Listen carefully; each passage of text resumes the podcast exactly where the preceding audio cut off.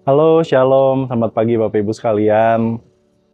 Di Matius 6 ayat 22 sampai 23 eh, berkata bahwa matamu adalah pelita tubuhmu. Jika matamu baik, maka teranglah seluruh tubuhmu. Tapi jika matamu jahat, maka gelaplah seluruh tubuhmu. Artinya mata kita ini adalah jendela dan mata kita ini bisa melihat segala sesuatu. Entah itu segala sesuatu yang baik ataupun segala sesuatu yang jahat. Tetapi eh, yang perlu digarisbawahi di sini adalah bukan segala sesuatu yang kita lihat tersebutlah yang menentukan itu jadi baik atau jadi eh, jahat. Yang menentukan itu bawa terang atau itu bawa kegelapan. Yang menentukan adalah uh, the way we see. Bagaimana kita melihat segala sesuatu tersebut itu yang uh, bisa membuat kita ini uh, jadi terang atau malahan jadi gelap.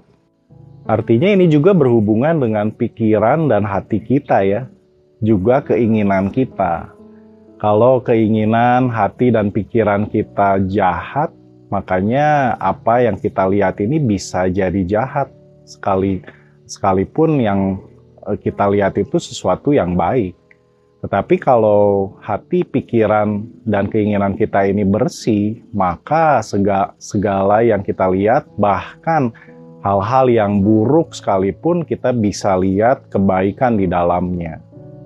Jadi, yang terpenting di sini adalah bagaimana kita punya uh, kewaspadaan atas setiap keinginan, hasrat, dan juga uh, pikiran dan hati kita ini untuk tetap bersih gitu ya. Jangan sampai kita punya keinginan-keinginan hal-hal yang jahat ataupun yang duniawi. Maka uh, apa yang dilihat mata kita ini itu pasti akan bawa kegelapan, nggak akan bisa bawa sesuatu yang baik dalam kehidupan kita. Dan juga kalau kita punya keinginan atau hasrat-hasrat tertentu dalam hati dan pikiran kita, maka mata kita ini akan terfokus dan tertuju hanya ke situ. Kita sulit untuk melihat hal-hal yang lain. Ya, karena itu yang benar-benar hati dan pikiran kita inginkan ke sanalah mata kita akan lebih tertuju. Maka itu hati-hatilah dalam setiap keinginan, hasrat, uh, yang kita miliki. Kita perlu cek and recheck, jangan sampai kita punya keinginan-keinginan yang bertentangan dengan firman Tuhan. Maka kita akan sulit untuk me me memfokuskan mata kita ini tertuju hanya kepada Tuhan.